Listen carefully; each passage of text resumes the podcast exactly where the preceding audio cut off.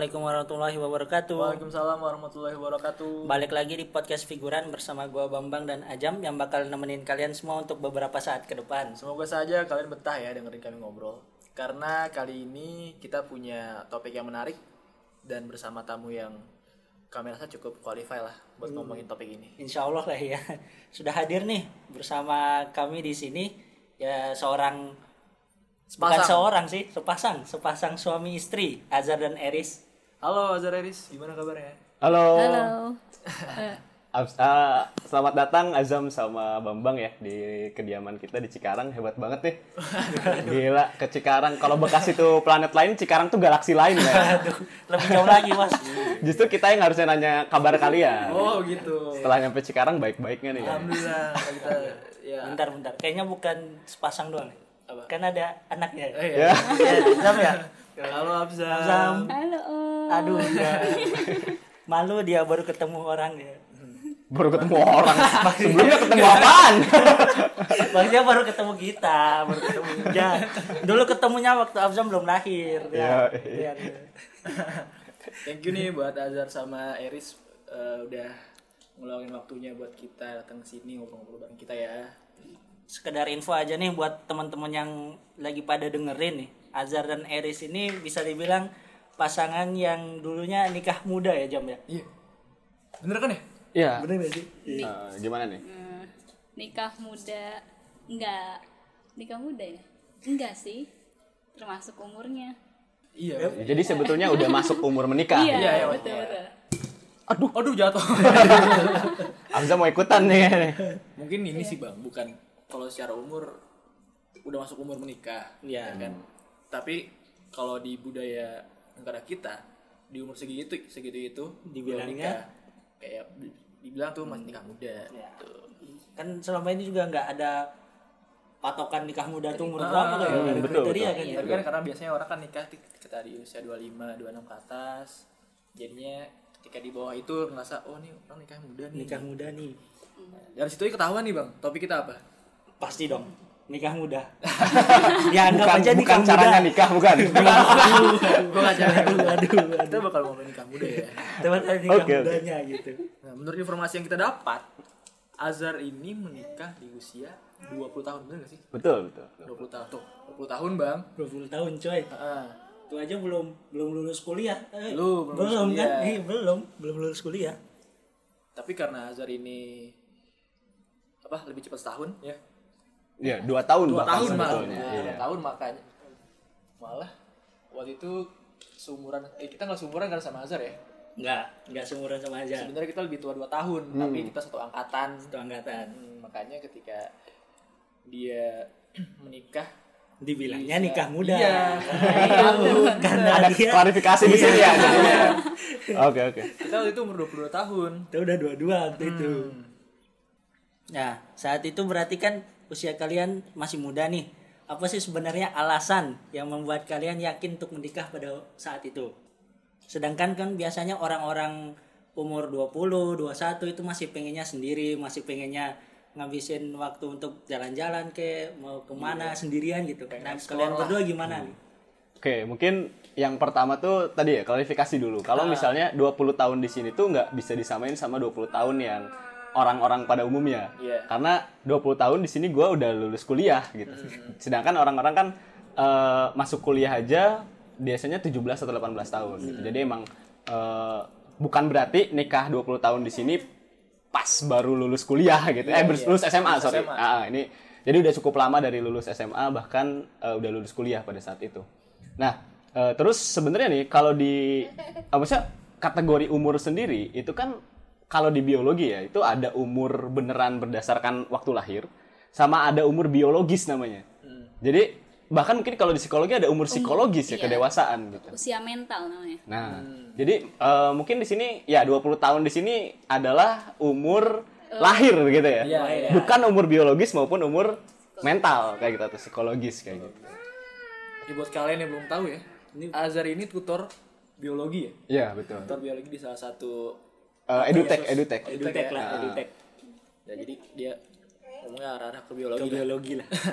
Ke biologi. Nah, eh, jadi kembali ke pertanyaan tadi ya. Iya, iya, Ah, Oke, oke. Jadi eh, sebenarnya makanya ya nggak begitu bukan sesuatu yang mengagetkan juga maksudnya kalau buat gue sendiri gitu karena ya pada saat itu juga eh, mungkin dari segi umur kedewasaan ya udah sama sama orang-orang di umur 22 atau bahkan 23 mungkin gitu jadi ya nggak nggak se anak-anak itu juga gitu se semasa muda itu juga. Makanya eh, waktu eksplorasi dan sebagainya udah dilakuin ya pas umur 18 umur 17 bahkan gue waktu itu kan masuk eh, apa kuliah itu kan umur 16 tahun.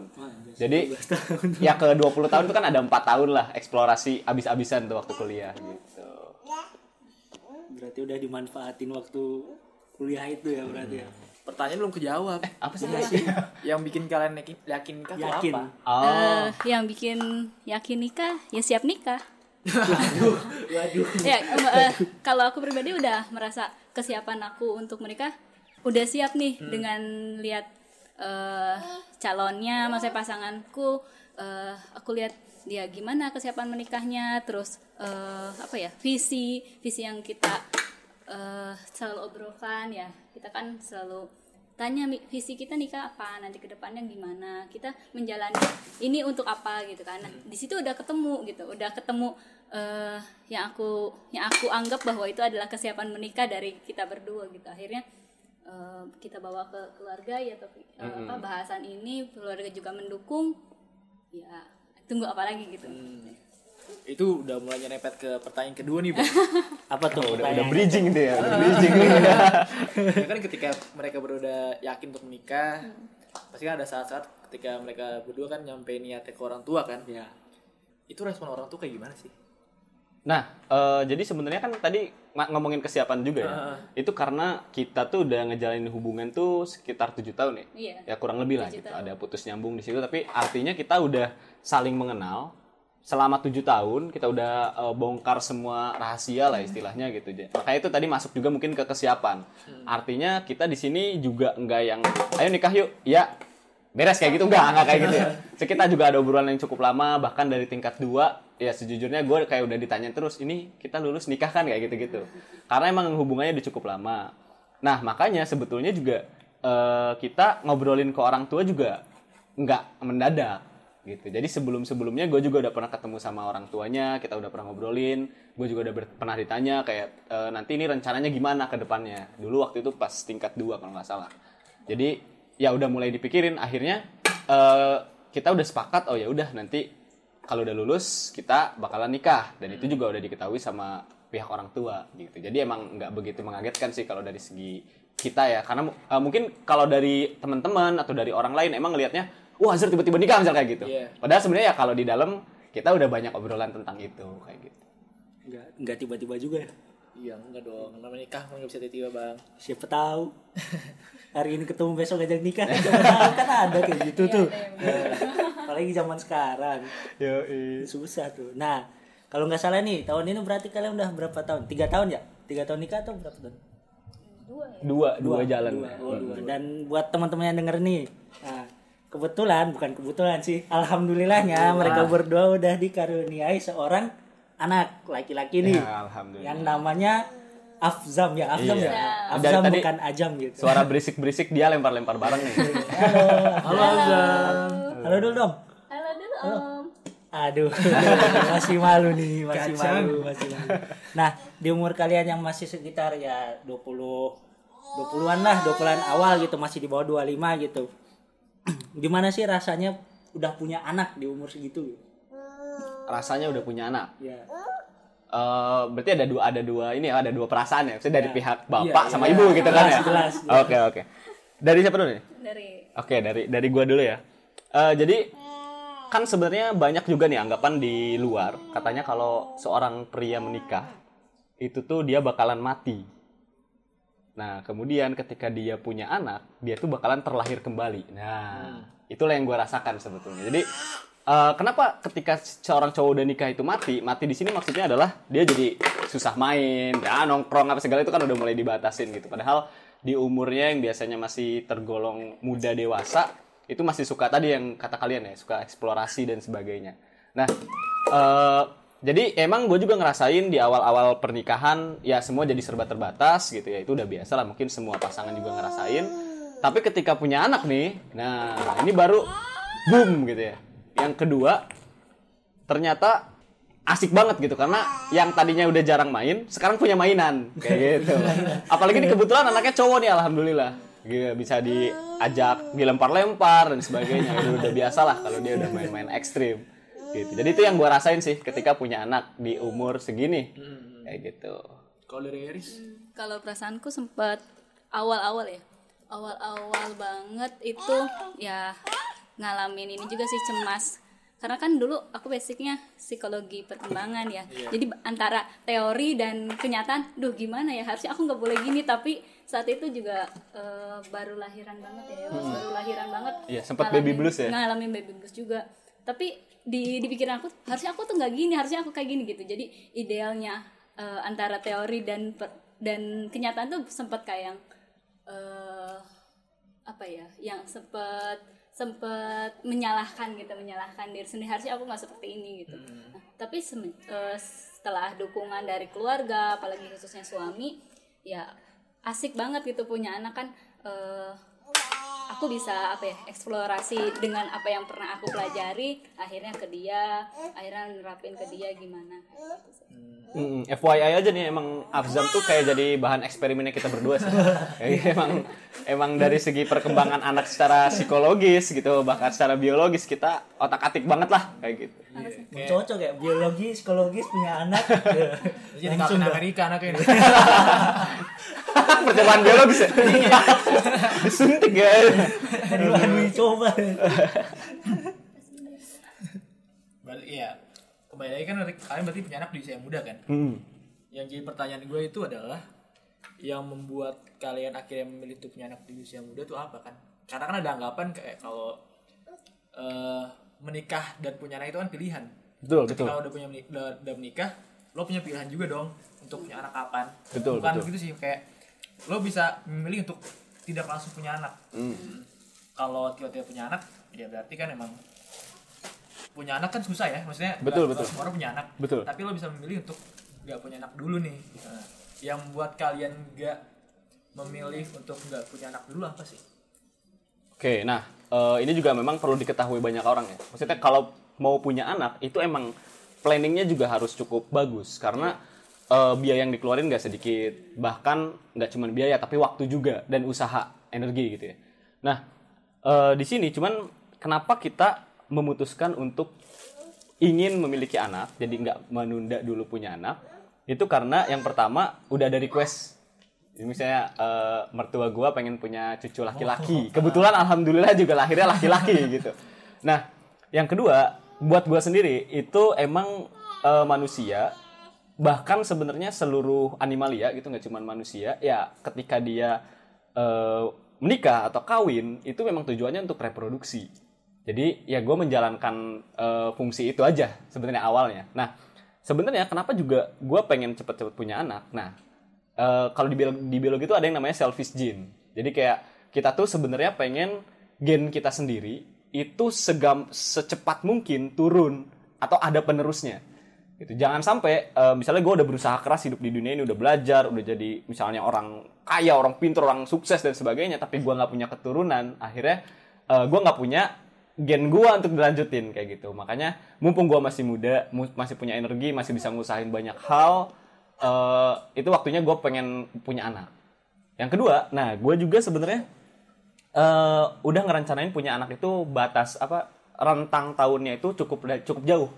Makanya kalau misalnya punya anaknya di umur yang agak tua takutnya nanti rentang ke anak keduanya udah keburu tua kayak gitu. Kita rencananya sekitar 4 sampai lima tahun ya ke anak kedua kayak gitu. Jadi eh, biar investment kita dari segi waktu uang us- eh, energi dan sebagainya itu buat anak itu full. Karena kalau misalnya rentang usia anak itu terlalu pendek misalnya apalagi setahun misalnya itu investmentnya eh, terbatas banget. Kasihan anak yang pertamanya kayak gitu jadi emang eh, planning kita biar rentangnya cukup jauh gitu kita punya rencana nggak cuma satu anak soalnya Berarti gue kasihan bang. kenapa Gue sama adik gue cuma beda 2 tahun. nah tapi KB Iya, iya sih. ya terencana sih tiap 2 tahun punya anak. Kan nanya itu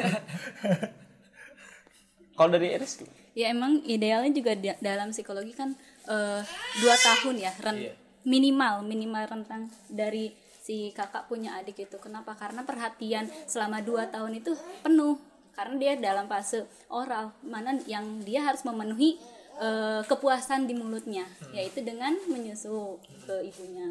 Nah kenapa harus dua tahun juga? Eh, agar si anak perkembangannya optimal. Karena kan selain dari nutrisinya perhatiannya juga kan eh, terpenuhi ya dari dua tahun itu. Dan karena kita memutuskan untuk punya anak akhirnya eh, di sini kan yang berperan dari 0 sampai 2 tahun full bukan full ya. Kebanyakannya itu ibu.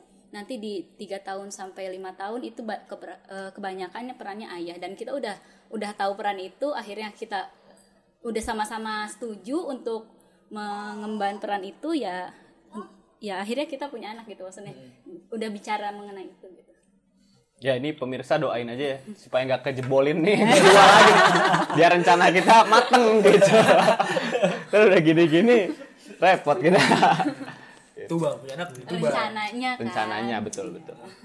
Harus benar-benar disiapin bang. ini emang cocok bos biologi psikologi paham gitu jadi saling mengerti gitu kan ada teori-teorinya juga aduh Azam ngomong apa Azam Mulai ikutan, mulai ikutan. mulai ikut kamu nah kan kalian udah punya anak nih tadi kan udah ada persiapan persiapan dan segala macam nah alhamdulillah nih udah lahir nih udah lahir nah cara kalian nih mendidik dan merawatnya itu seperti apa sih ada metode sendiri kah atau selayaknya orang tua zaman kita apa orang tua kita zaman dulu atau kalian punya berhubung kalian psikologi dan biologi kan siapa tahu punya metode sendiri gitu Kan Oke. kalau orang tua zaman sekarang kan kayak anaknya lahir punya anak nih. Udah bahasa sehari-hari ganti. Bahasa sekarang kan bahasa Inggris. Oh. Anak kecil sekarang kalau kalau ke mall-mall lihat anak kecil lagi bandel. oh no no Biar kelihatan orang kaya gitu. Ah, dulu waktu gua, waktu gua ke mall bandel, diliatin tuh diliatin liatin tuh masnya tuh masnya gitu Oh. kan. Sekarang kan enggak no Iya. no no. Kalau enggak kan kalau sekarang-sekarang ini kan udah punya anak nih. Mereka biasanya langsung babysitter dan segala enggak mau ada ya ada yang enggak langsung ngerawat sendiri gitu kan. Nah, kalau kalian berdua seperti apa gitu? Oke. Eh, kalau dari gua sendiri ya. eh, sebenarnya ini berarti audiensnya ada yang parenting gitu ya, parenting gitu ya. Oke oke nggak masalah. Ya. Eh, jadi yang pertama yang perlu diperhatiin buat anak nih dari segi biologis adalah nutrisi. Nah ini nih yang penting. Jadi kenapa juga tadi gua bilang eh, rentang batas anak ke satu dan kedua juga nggak boleh terlalu dekat karena berkaitan sama nutrisi. Jadi ketika eh, punya anak banyak dalam rentang yang eh, kecil biasanya tuh pengeluarannya terlalu tinggi sampai kita nggak bisa ngasih nutrisi yang paling optimal. Nah, padahal kalau misalnya nih seseorang anak itu punya gen untuk cerdas misalnya nih, dia nggak nggak nggak akan selalu lahir terus jadi cerdas. Tergantung juga sama nutrisi yang dia dapetin gitu. Untuk perkembangan otak nggak cuman kecerdasan, otot, kesehatan, imunitas semuanya itu berkaitan juga sama nutrisi. Makanya eh, gue sendiri yang paling pertama paling gue perhatiin adalah dari segi nutrisinya kayak gitu. Nah, gue juga dari dari Afzam masih kecil banget, masih baru lahir itu udah pokoknya kita udah setuju kita bakal ngasih ASI full eh, sampai 2 tahun. Jadi nggak nggak mau nyelipin susu formula di situ kayak gitu. Baru eh, tapi emang kan setelah enam bulan dikasih empasi ya namanya empasi makanan pendamping ASI karena memang udah harus ngunyah dan kebutuhan nutrisinya udah mulai tinggi. Nah, di situ juga kita mulai ngasih makanan-makanan yang harus terjamin kebersihannya, nutrisinya dan sebagainya. Dan itu emang nggak bisa didapetin kalau misalnya pengeluaran kita jebol gitu. Jadi emang itu harus dipertimbangkan pertimbangin banget dari awal kayak gitu. Terus kalau eh, kita sih kalau eh, cara ngasuhnya kita eh, first rule kita kita nggak mau eh, anak diasuh sama orang lain itu itu nomor satu sih. Jadi gue juga di sini ngasih kebebasan ke Eris gitu ya kalau misalnya nggak kerja juga nggak masalah gitu. Toh emang kewajiban gue buat nyari duit semuanya gitu. Yang penting eh, perkembangan Afzam ini terkontrol semuanya karena Eris eh, anak psikologi nih kebetulan eh, konsentrasinya di perkembangan anak. Jadi dia tuh tahu banget umur segini bulan harusnya udah bisa ngapain dan harusnya belum bisa ngapain. Nah, ini juga penting nih. Karena kalau terlalu cepet juga itu nggak bagus. Dan kalau terlalu lambat juga nggak bagus. Kayak misalnya terlambat bicara nih, speech delay, eh, itu juga bahaya. Kayak misalnya eh, TV kita nih semenjak Afzam lahir kita nggak pernah nyalain TV sama sekali. Jadi udah sekitar setahun kita nggak pernah nonton TV.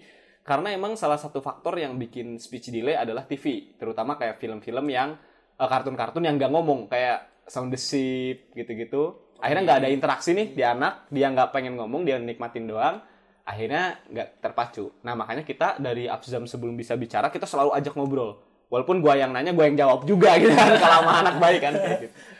Juga sama, terutama Iris yang berperan paling aktif ya karena gua kan harus kerja keluar gitu. Kalau dari pengasuhan sendiri sih, yang pertama banget eh pastinya nggak lepas dari terus belajar ya, nggak eh, walaupun dulu pernah belajar, tetap harus belajar lagi gitu, maksudnya eh, tiap mau menerapkan misalnya kemarin tuh sempat pengen apa namanya tentang baca nyaring ya, tentang membaca nyaring, manfaat membaca nyaring. Dulu tuh pernah pernah baca gitu. Cuman harus dikuatkan lagi kenapa sih gitu. Har- jadi setiap kita mau mengambil langkah pe- apa namanya pengasuhan kita juga harus tahu kenapa kita memilih ini gitu nah kalau aku selalu kayak gitu eh, buat pengasuhan sendiri yang tadi Afsam nggak pernah dikasih TV handphone video call eh, kita nggak pernah kasih handphone usahakan gitu kecuali kecuali misalnya sama neneknya gitu kan kadang eh, nggak enak ya ngelarangnya gitu. nah eh, video call buat dia pegang handphone hanya video call gitu. Yang mana ada interaksi sama eh, yang yang ada di handphonenya gitu. Karena yang tadi itu kebanyakan s- satu interaksi juga menyebabkan speech delay selain itu speech delay juga bisa dari ini eh, apa tadi Makanan ya? Bukan. bukan eh, yang kita bahasa campur-campur itu Oh iya. Oh, iya. Jadi nggak pakai bahasa juga. yang sama. Nah, iya bahasa. Itu penting Jadi juga, betul. akhirnya anak bingung kan. Itu se lagi ya.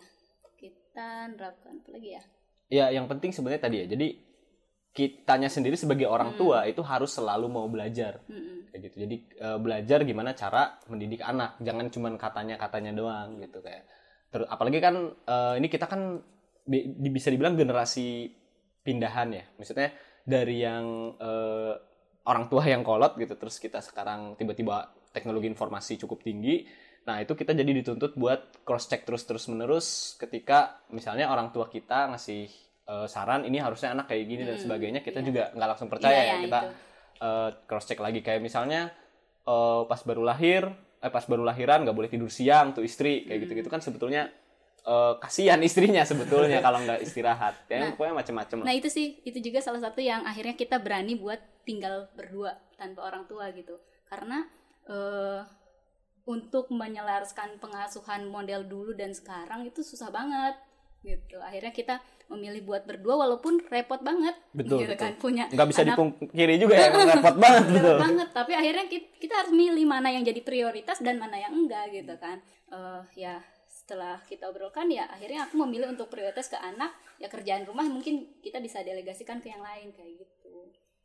Gitu Terus, eh, Terus- pokoknya kalau kita pengasuhan anaknya kita eh, selalu lihat ke ini sih ke yang milestone anaknya. Mm-mm. kita Jadi jangan apa betul, gitu. Jangan sampai kelebihan kayak apalagi kan stigma masyarakat sekarang misalnya bisa baca. iya umur 4 tahun harus sudah bisa baca, menghitung. Padahal eh, secara psikologis itu belum ya belum siap sebetulnya. Baca hitung harusnya bisa pas SD dan sebagainya. Nah, kita karena masih muda jadi nggak takut juga sama omongan tetangga dan sebagainya. Itu nggak masalah kayak gitu.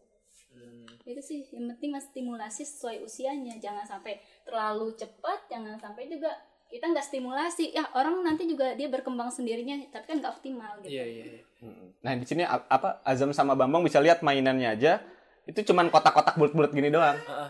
Karena yang perlu dipelajari sama dia masih bentuk warna gitu, belum yang gambar mobil beneran yang ada ban dan sebagainya kayak gitu. Berarti di usia sekarang itu butuhnya apa Yus?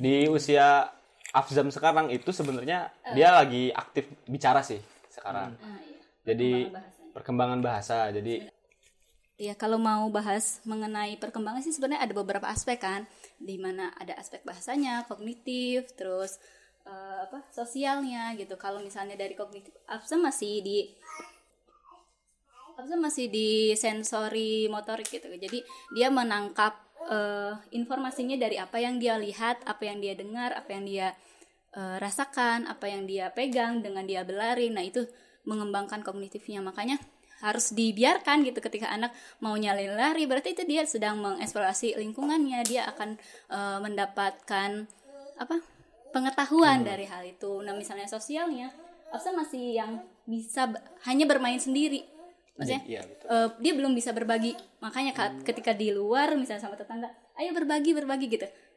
Usia absen belum saatnya itu gitu. Nanti usia itu di usia tiga tahun 4 tahun kayak gitu. Lagi eh, bahasa ya bahasa dia mulai bahasanya mulai aktif soalnya udah mau ke 18 bulan kan. Di di rentang 1 sampai 18 bulan itu mulai banyak bahasa yang keluar. Sebelumnya nih gue pernah dengar ada apa ya dengar dari mana ya waktu itu ya? Nggak tahu. Denger aja pokoknya. Denger aja pokoknya. Pokoknya ada yang bilang kalau buat anak jangan coba-coba. Bukan. Coba itu, bukan. Bukan Setelah pesan-pesan berikut ini. bukan. Ada yang pernah bilang sama anak jangan bilang jangan. Ah, betul, Iya. betul, Ah. betul. itu pengasuhan positif ya? Iya. Pengasuhan positif kenapa kenapa seperti itu? Karena dengan jangan dengan kita membatasi yang kita anggap bahaya sebetulnya kita juga membatasi dia belajar. Mm. karena anak perlu eksplorasi itu tadi ya. Eh, selain jangan mungkin bisa di bisa diganti dengan kata ayo ke sini aja gitu. Dialihkan. Eh, dialihkan ya atau ya kita menjelaskan itu itu kenapa tidak boleh gitu. Maksudnya lebih baik kita seperti ini kenapa tidak boleh seperti itu gitu. Yang menarik juga ya sebenarnya yang baru gua tahu nih setelah ngobrol-ngobrol sama Eris gitu ya. Ternyata kayak misalnya meng- bilang jangan ke anak misalnya jangan sentuh itu karena panas gitu ya. Itu kan emang bahaya. Tapi itu juga nggak baik karena si anak belum tahu panas itu apa gitu. Jadi kita melarang sesuatu yang dia juga nggak tahu apa gitu.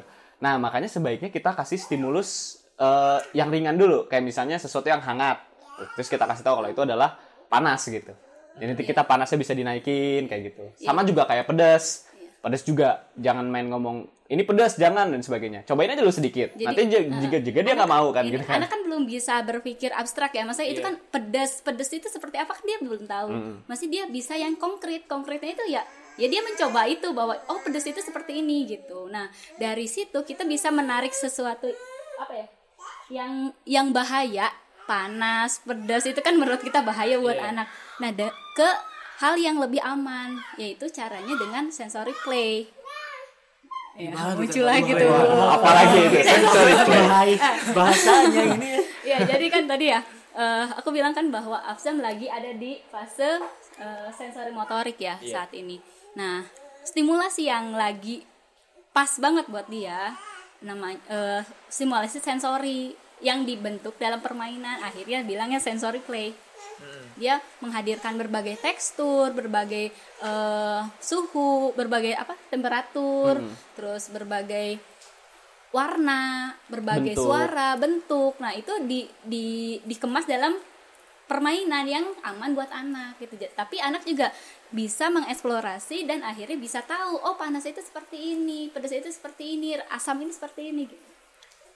Panas Bingung nggak tuh? panas mainannya apa dong kalau Ya kita hadirkan antara air temperatur biasa, ada es, ada air hangat gitu. ini kalau kita lihat dari tadi Alzam ini kan aktif banget ya Oh iya, boleh boleh. kayaknya udah masuk usia-usia dia penasaran sama sama hal-hal yang mungkin dia lihat kan dan dia temuin. Kalau ngomongin masalah tadi, masalah apa? pedes dan panas itu Abzam ini udah pernah ngerasain gak sih? Wah, pernah. Gimana tuh pedes, gimana panas? Kalau Afzam anaknya cukup ekstrim ya.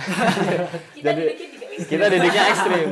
Jadi kayak apa? Eh sama aja kayak awas jatuh gitu. Dia belum tahu jatuh itu apa, rasa sakit itu apa. Akhirnya kita juga jatuhin ya, Kan gitu. ya kita eh, membebaskan gitu. Jadi nggak terlalu mengekang. Kayak misalnya dia lari-larian keluar, ya kita liatin aja. Yang penting nggak terlalu parah gitu. Tapi ya setidaknya kalau misalnya ada stimulus yang eh, nggak terlalu berbahaya, itu kan jadi pengalaman buat dia juga kayak gitu.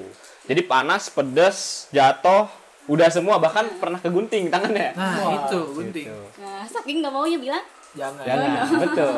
Kita nggak mau bilang no no no, akhirnya ya udah dia mainin sulit gunting. juga ya nahan buat ngomong itu. jangan Se- Iya. Sebetulnya kan kita juga harus mempersiapkan ya, maksudnya eh, jang, kita nggak bilang jangan, jangan, akhirnya dia jatuh juga kan Bahaya. bahaya. Kita juga harus mempersiapkan.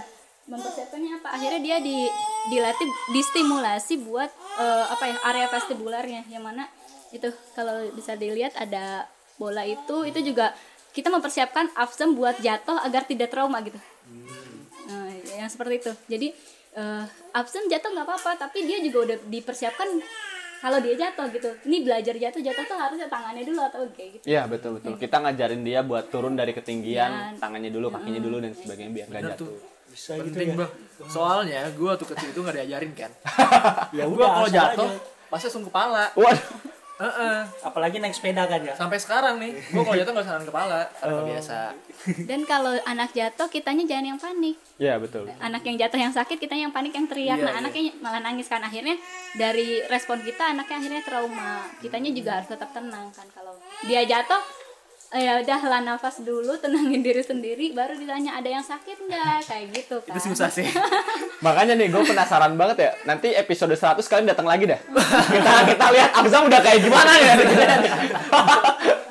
semoga ya semoga tambah 100 ya tapi biasanya yang bilang bikin panik tuh malah orang-orang yang ini orang-orang lain Iya, Umpama betul, kan kalian berdua udah ah udah jatuh jangan eh ya itu kadang kan yang bikin betul betul. Gitu Nah, juga sih. nah yang penting lagi ketika misalnya tadi kejadian nih ada orang lain yang kaget, dianya kaget akhi- akhirnya nangis. Nah, gue belajar dari Eris itu katanya nggak boleh kita bilang eh apa ada jagoan ada jagoan jangan nangis nah itu justru nggak boleh karena menahan ekspresi dia atau menyalahkan nah malah jadi Menyalahkan. Betul menyalahkan apa yang dia rasain At- gitu kan? bukan atau menyalahkan temboknya nakal ya Oh, dipukul iya, nah itu nanti anak akan eh, menyalahkan kesalahannya dia nggak hati-hati akhirnya eh, iya karena karena dianya numpahin air aku akhirnya jatuh kayak gitu kan. Misalnya udah Betul, anak TK betul. gitu. Nah ya jadi kita harus menyadari bahwa oh kamu sakit ya lain kali hati-hati ya gitu. Mana yang sakit gitu. Betul. Jadi, lebih kalau Eris biasanya nanyain yang mana yang sakit? gitu gitu. Nggak lebih nggak. ke itunya ya? Iya solusi lah gitu. Nggak nggak nyalahin. Sulit juga coy. Nahan tampil gitu tuh Nah, kalau kita dengar dari apa penjelasan mereka barusan kan kayak tapi bentar balik balik dikit. Nah, boleh boleh. Nah, penasaran nih. Kan kita lihat nonton, eh lihat di mana-mana itu kan baru denger nih maksudnya ternyata anak cepet baca atau cepet itu juga ada kurang baiknya ya. Kirain wah, semakin cepet dia mempelajari hal itu semakin bagus. Kirain seperti itu gitu. Nah sebetulnya kalau itu gua ngerasain juga sih, karena gua dulu di push untuk apa akselerasi dan sebagainya itu kan sebetulnya juga artinya mendewasakan anak yang belum usianya sebetulnya kayak gitu. Boleh aku Oh boleh. sebetulnya bukan karena ya tapi prosesnya dia mau apa enggak Hmm.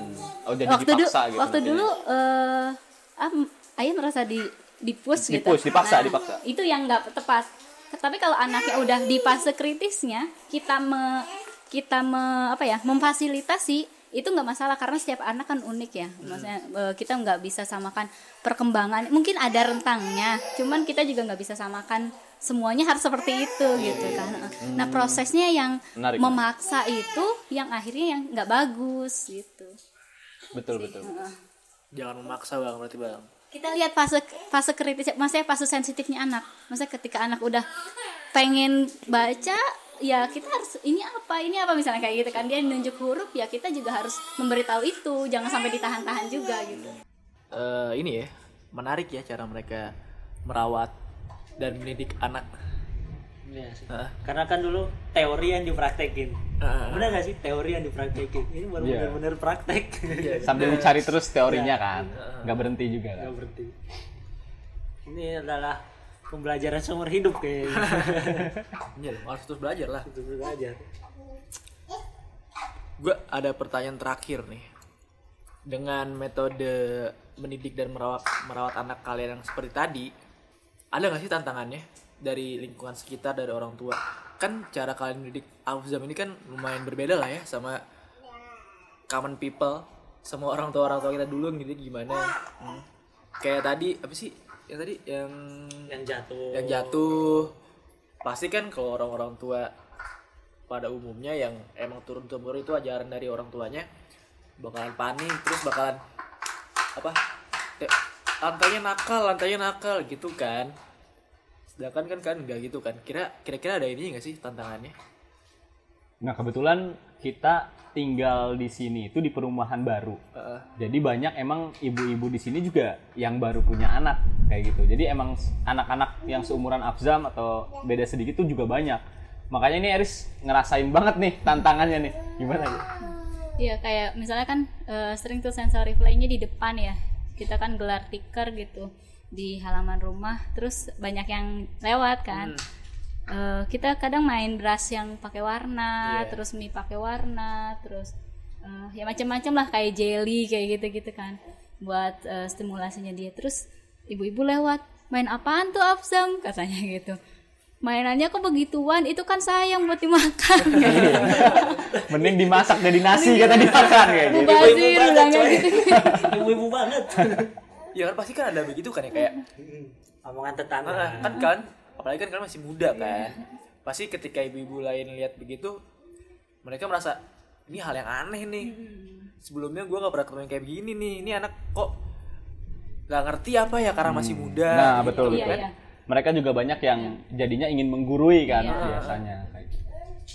terus eh, akhirnya kan ya aku bilang iya ini buat main-main main-main gitu kan terus eh, mungkin akhirnya kita semakin kenal aku juga nggak begitu menjelaskan ke orang yang nggak mau tahu ya maksudnya eh, percuma juga kayaknya kalau misalnya dia udah menolak di awal dengan hal itu bukan tertarik kalau itu apaan sih kayak gitu kan tertarik Iya. kita mungkin bisa menjelaskan yang secara konsep seperti apa gitu. Cuman kalau udah yang eh, kayak nyinyir nyinyir gitu kan kita juga kadang nggak bisa untuk menjelaskan itu. Akhirnya cuman iya ini buat main gitu.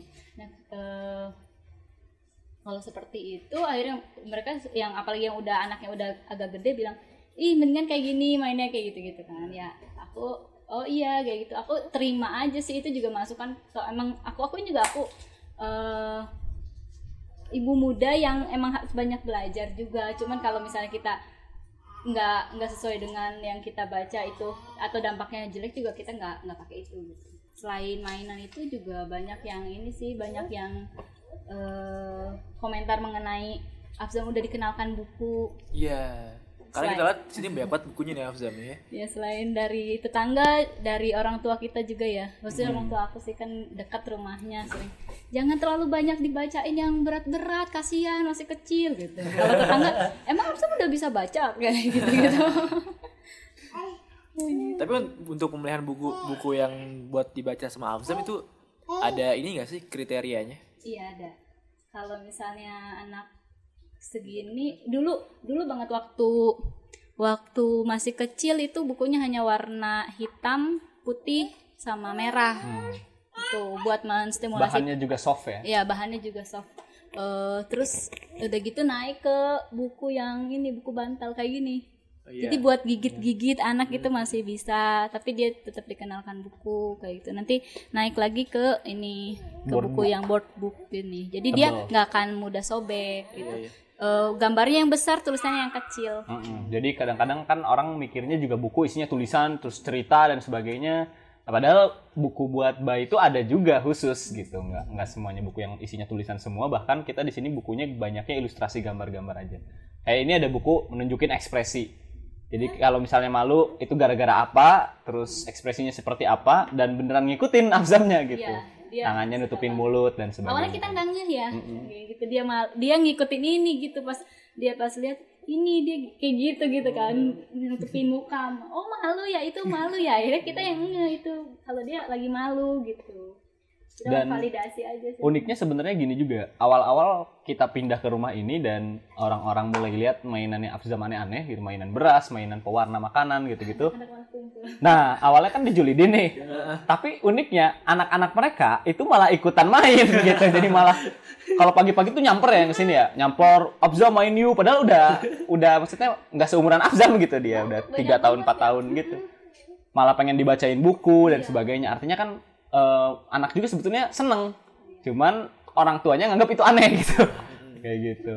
akhirnya di sini kayak TK banyak banget Iya. akhirnya aku harus bener bener Kayak penitipan anak di sini kalau pagi-pagi. harus, harus baca sambil gini dan menenangkan mereka gitu kan nah, kayak gitu Terus anak eh, ibu-ibu bilang udah buka penitipan anak aja sih bukan penitipan anak tapi Afzam gak dibacain buku itu kan tuh kosmos Wah, sapiens, belum, belum. biologi itu bapaknya Campbell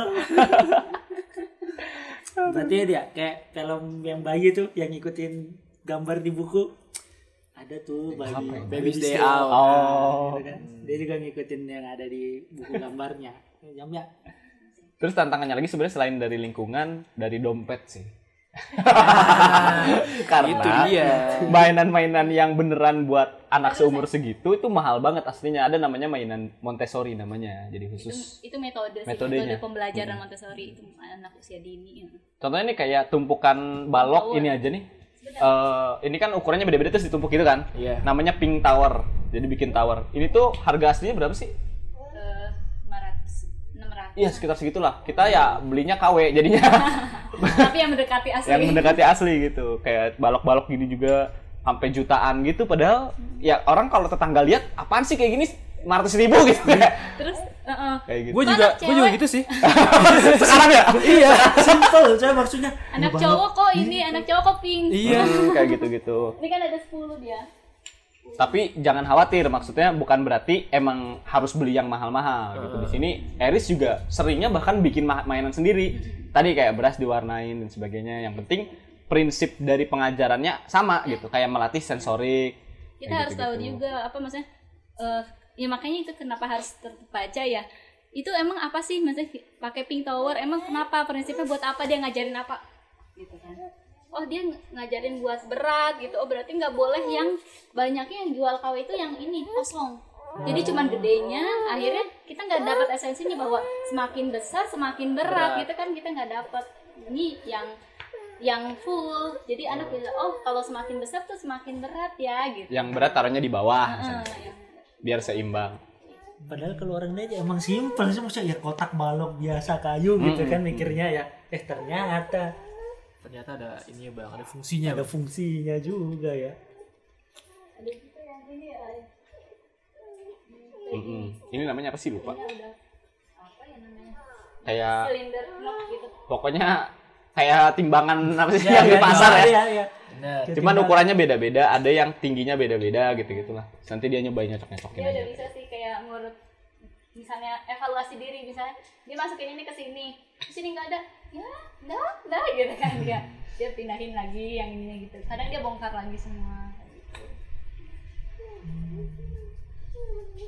Dan sebenarnya Eris juga ini sih eh, kalau bikin mainan itu suka di di post di IG gitu. Itu juga sebenarnya biar orang-orang kalau misalnya mau belajar nggak harus beli yang mahal gitu. Itu kok dikasih tahu caranya bikinnya itu gampang, cuman pakai tepung terigu lah atau apa kayak ya gitu. kita dari Play-Doh Mm-mm. Play-Doh kan aslinya mahal banget Mahal mahal sekali. Nah, kenapa dia mahal? Karena dia tuh edible, bukan edible, Oh, aman. iya, aman, Aman. Beda sama malam yang di pasar Iya, keracunan itu kalau anaknya dimakan kan. Makanya mahal. Akhirnya kita bikin sendiri dari tepung kan sama pewarna makanan. Akhirnya kan itu aman sebenarnya kalau ke mood atau apa kayak gitu.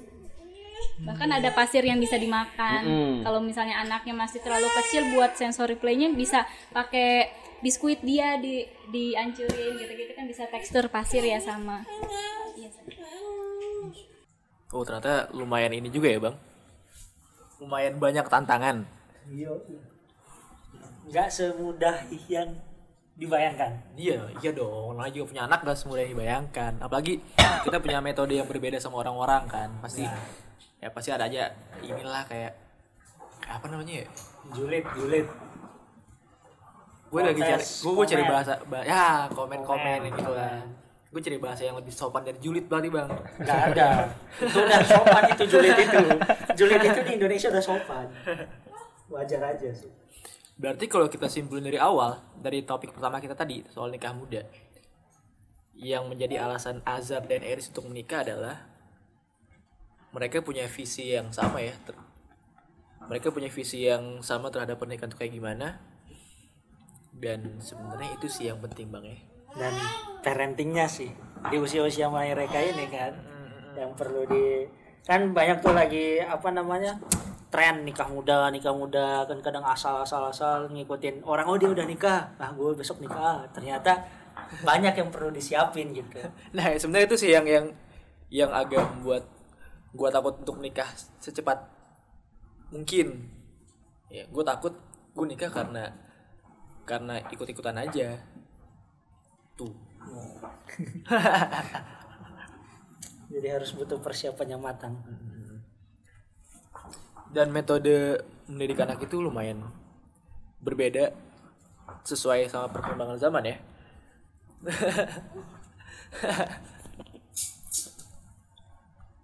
kalau kita dengerin dari dari obrolan Azhar sama Eris yang tadi soal cara mereka mendidik anak itu kan beda banget kan sama waktu kita kecil didik kayak gimana? Jelas beda banget.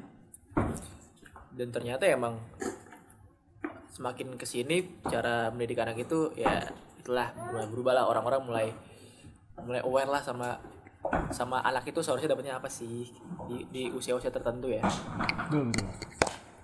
Oke Azhar dan Eris terima kasih atas waktunya terima kasih sudah mengizinkan kita untuk datang ke rumahnya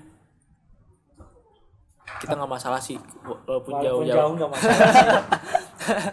itu lumayan dapat dapat ilmu hari ini Dapat ilmu hari. Semoga setelah ini Bambang udah siap nikah ya. Amin. Amin. Makasih banyak juga nih eh, dari tim Figuran. figuran ya. Waduh lupa. Aduh. Figuran. Soalnya bu gue bukan figuran di sini. Ya, siap siap. Bener bener. Lupa gue. begitu, begitu. Kira-kira ada pemeran utamanya. Semoga eh, bermanfaat ya. Eh, apa yang tadi kita bacotin, semoga ada ilmunya dan menginspirasi lah. ya. ya oke buat teman-teman semua yang ingin ngasih kita saran, kritik boleh banget. Silahkan langsung aja DM ke kami figuran karena saran dan kritik dari teman-teman pendengar semua itu demi kebaikan podcast ini ke depannya. Selain lewat Spotify, podcast kita juga bisa didengerin lewat Anchor atau mungkin ada versi vis- visualnya lewat YouTube. Walaupun kita nggak ada video bergerak sih, statis. Tapi mungkin kalau lewat YouTube kita bisa hadirin ada ininya sih, ada teksnya, ya, Iya. biar lebih jelas lagi. Kalau ada omong-omong kita yang nggak jelas lewat YouTube kita bisa lewat bisa baca komen, bisa baca apanya subtitlenya. subtitle. Iya. Oke. Sekali lagi terima kasih untuk Azhar dan Eris. Terima kasih juga untuk kalian udah dengerin podcast kita hari ini. Sama Afzam juga dong. Oh, sama Afzam. Terima kasih Afzam. Oke, kalau gitu gue Azam dan Bambang pamit. Sampai jumpa di eh, pekan depan di podcast berikutnya. Dah. Dadah.